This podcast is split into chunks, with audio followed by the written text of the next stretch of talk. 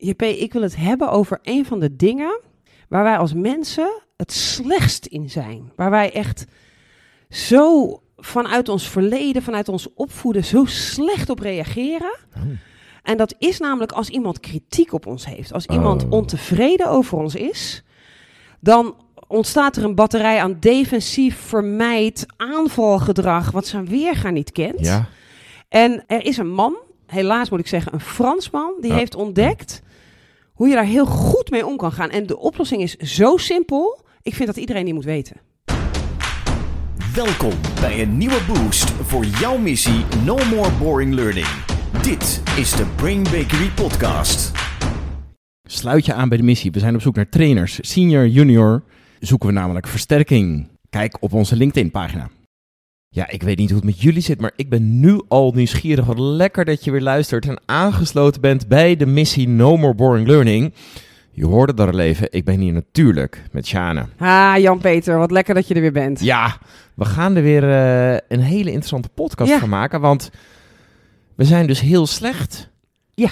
in het krijgen van kritiek, in het omgaan, Omgaan, met kritiek. Ja, Zo, zo is het goed. het ja. krijgen lukt me altijd wel.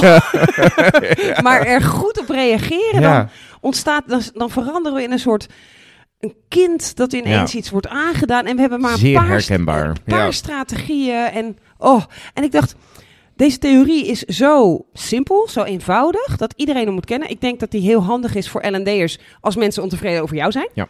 Ik denk dat die heel erg handig is, ook voor je privéleven. En als je Ja. partner ineens zegt, lieverd, ehm, hou je nog van me? Dat is ook een, een vorm van kritiek. Eh, maar ik denk dat die ook heel goed toepasbaar is in alle trainingen die we geven over omgaan met klachten, omgaan met anderen. Hoe doe je dat slim en handig? Dus ik wilde erin duiken door eerst even te beginnen over op het moment dat iemand voor je staat of je mailt en zegt ik vind dit en dit niet goed. Wat zijn dan onze menselijke tendenties? Oh. Dan wilde ik gaan zeggen naar wat de theorie dan is en van wie die komt.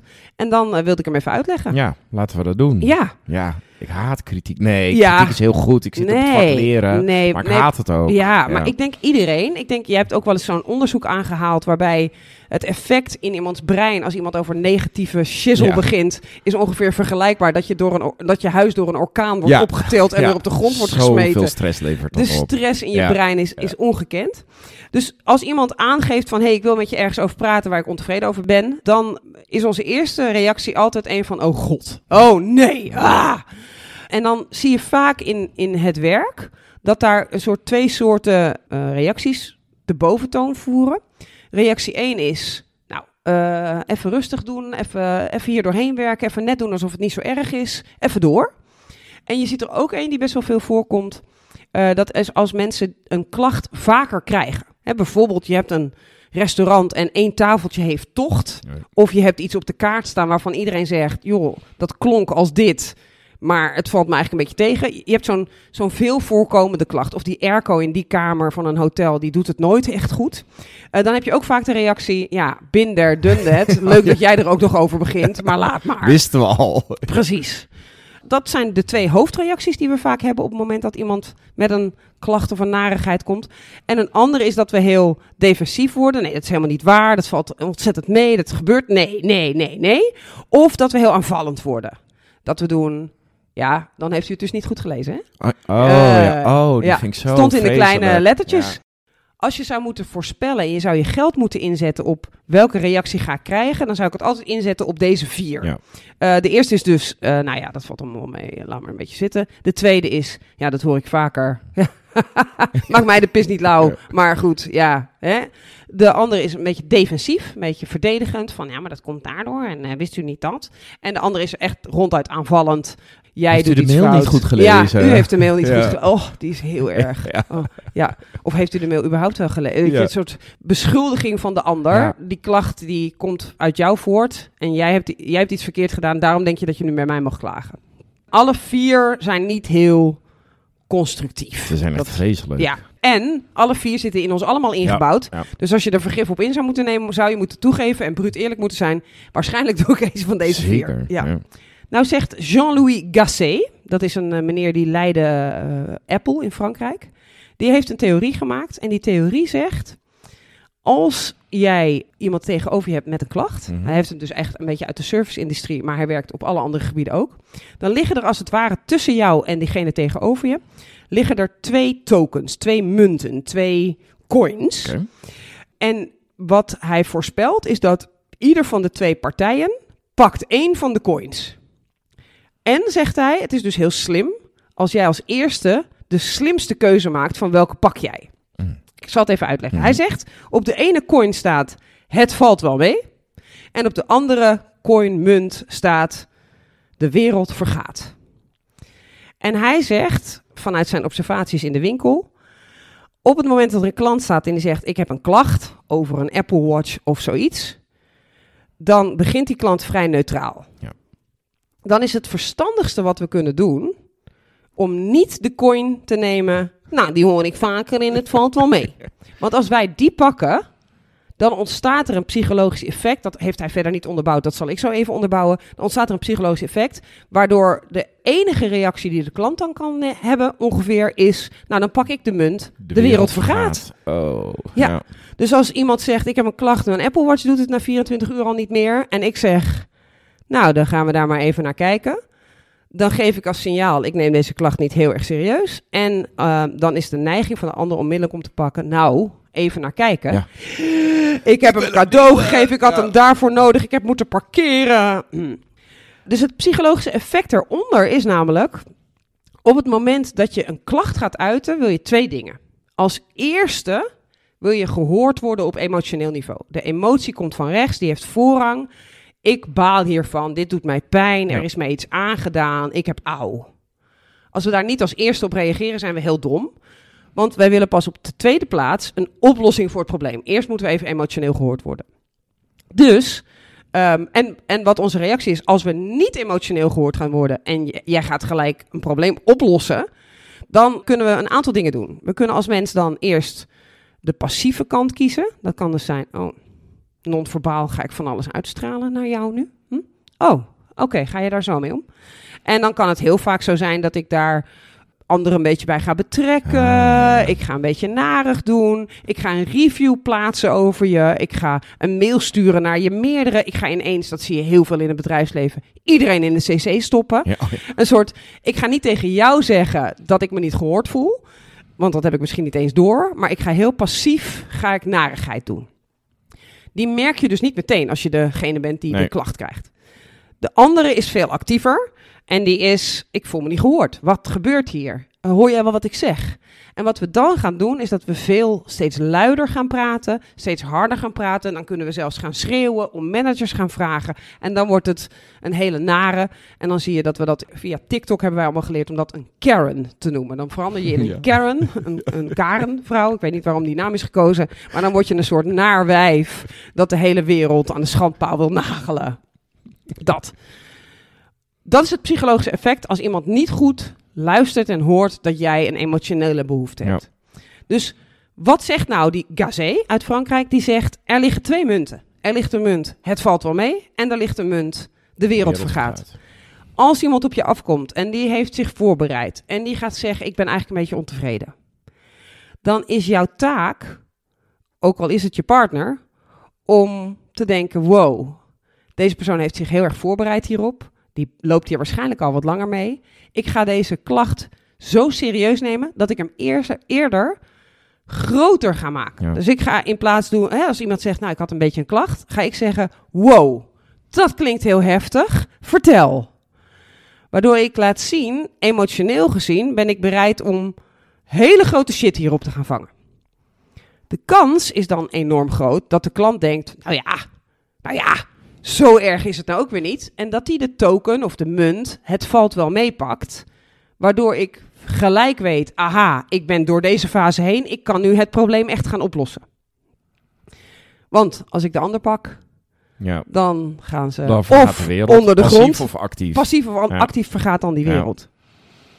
Wat een goede theorie Ja, van deze Fransman. ja, Ja. jammer. Jammer dat hij Frans is. Een kleine klacht over, maar ik denk niet dat hij gaat luisteren. Nee. Nee. Ik hoor een enkele cynische deelnemer in trainingen bijvoorbeeld al denken, als we dit zeggen, ja, dan moet ik nep doen. Dit Ja. is nep. Wat, Ja. wat zou je daarop zeggen?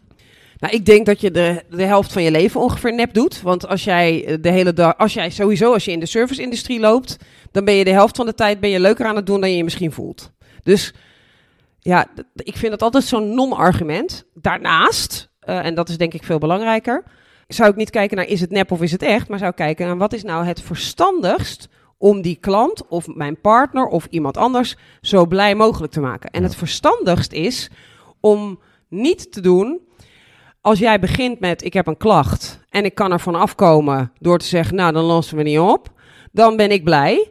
En anders dwing ik jou gewoon om te gaan schreeuwen.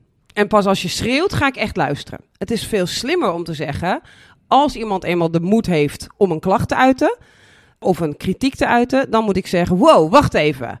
Hier wil ik even goed de aandacht op hebben, want dit zeg jij niet zomaar. Dus het is veel slimmer om gelijk dat te durven. En daar is ook Ja. wetenschappelijke onderbouwing voor. Want wat we weten is dat als mensen in een restaurant een klacht hebben, dan is er 1 op de 26 die het echt gaat zeggen. Zo, dat is, dat is niet zoveel. Nee, Nee. dus dat betekent ook, eh, even voor de cynische deelnemer, dat op het moment dat je wat hoort, hebben 26 anderen het niet gezegd. Ja. En op het moment dat je het hoort, is het dus of een heel assertief iemand, Ja. of iemand die echt last heeft. En de meeste mensen openen niet op volume 10. Die openen eerst op volume 2. Ja. hey, ik vond het een beetje vervelend, want ik vond een stukje wc-papier Ja. in mijn salade. Als jij dan doet, oh, nou, dat kan gebeuren. Ik zie dat u hem verder wel op heeft. ja. dan denken heel veel mensen dat ze een slimme strategie hebben, want dan denken ze dat ze ermee wegkomen. Ja. Maar wat gaat er nu gebeuren? Ik ga dat online ergens melden als ik akkoord ga. Dus ja, het is een klein beetje acteren, maar het is eigenlijk acteren vanuit de wetenschap dat de ander waarschijnlijk een grotere klacht heeft dan het level waarop die opent. Ja. Zeker als jij de eerste persoon bent tegen wie die het uit, hè? Als iemand al zes collega's heeft gehad en je wordt erbij gehaald, dan kan het best op volume 10 gebeuren. En dan zou ik dus gaan terugantwoorden op volume 11. Nee, wat vreselijk. Want wat je gaat doen, en dat is denk ik ook heel belangrijk voor de cynische mensen. Je gaat namelijk op de emotie in. Je gaat nog niet op de klacht zelf in. Je gaat nog niet het hebben over of dat broodje wel of niet geroosterd was of whatever. Je gaat eerst even horen. Het was voor jou heel belangrijk dat dit lekker was. Daar ga ik eerst even op in. Dus het gaat ook niet over gelijk of ge- geen gelijk. Nee. Nee. Zodra je het daarover maakt, ben je weer een kind die... Ja, maar ik wilde mijn kamer vanavond op gaan ruimen. Ja, mama, dat had ik helemaal gepland. En dan ga je een soort defensie spelen. Ja. Dat je echt al had nagedacht. Oh, het slaat echt nergens op. Nee. Nee, slim. En dit gaat inderdaad van de, de, de laatste paar eh, zinnen hebben wij het heel specifiek inderdaad over klachten in Ja. de service-industrie. Maar we begonnen ook heel goed met, dit gaat natuurlijk gewoon over kritiek in het Ja. algemeen. Ja, Dus elke trainer, elke L&D'er die met deelnemers, mensen werkt, opdrachtgevers. eh, leidinggevende. Ja. Ik vond iets niet zo prettig. Ja, Gelijk een vlag erop plaatsen. Ja. Daar- Iemand heeft dat voorbereid, heeft erover nagedacht. Eh, 26 anderen hebben hetzelfde ervaren en niks gezegd. En deze zegt het. Doe gelijk, ho, time out. Hier wil ik aandacht voor. Wat erg, wat heftig, wat naar. Dan kies je waarschijnlijk, kiest de ander waarschijnlijk, nou ja, zo erg was het nou ook weer Nee. niet. En dan gaan zij zelf nuanceren en dan kom je veel makkelijker tot de oplossing. Ja. En ik kan me nog voorstellen dat als je dit spannend vindt om die token te pakken Ja. van de wereld vergaat, omdat, niet omdat je cynisch bent, maar omdat je denkt, zometeen trek ik de beerput open Ja, en zegt de ander, ik vind het inderdaad heel erg. Ja. Volgens mij is dat alleen maar goed natuurlijk als dat gebeurt, want Ja. Dan komt dat er tenminste uit. Absoluut. Bij ik jou, had, ik ja. had op een gegeven moment een webinar eh, en toen zat ik in een heel duur hotel in Londen en toen viel in het hele blok viel de energie uit. Dat had ik niet door. Ik dacht alleen de wifi was uitgevallen. En ik had expres dat hotel geboekt zodat ik zeker weet dat mijn 100 deelnemers in mijn webinar het goed zouden hebben. Mm. Wifi viel uit. Dus op een gegeven moment ben ik naar beneden gegaan nadat ik die hele ding is gecanceld had. Verschri- verschrikkelijk. En toen zei ik van, eh, ik baal best wel heel erg van het feit dat die wifi er niet was.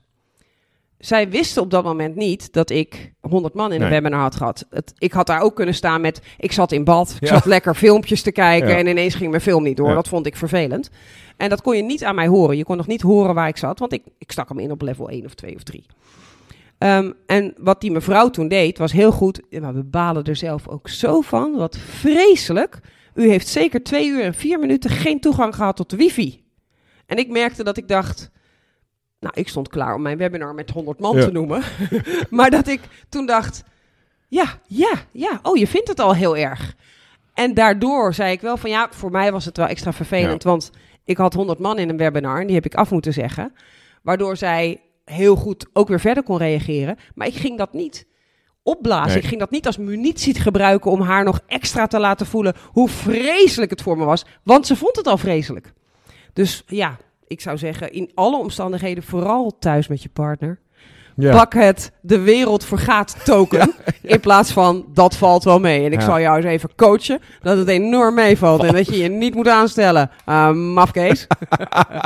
Ja, die, die komma, komma sukkel hè, die zit daar dan ook wel eh, in. Ja. Ah, heb je de mail niet gelezen? Mm. Komma sukkel. ja. Wat lekker. Twee tokens. Het valt wel mee. De wereld vergaat. En ook al voelt het misschien een beetje tegenstrijdig, het is dus slim om de wereld even te laten vergaan. Ja. In ieder geval de ander te laten voelen. Dat jij dat Ja. voelt. Ja, heel goed. Het is inderdaad zeker heel goed wat je zegt. En ik hoorde dat het al een samenvatting was. Dus sorry dat we toch nog doorgaan. Voor alle podcastmensen die denken ik wil door naar de volgende aflevering. Of ik wil weer muziek gaan luisteren. Maar het is inderdaad zo. Het is tegenintuïtief Ja. om de wereld vergaat te pakken. Maar doe het wel. Daarmee sluiten we hem af. Lieve mensen, dank voor het luisteren.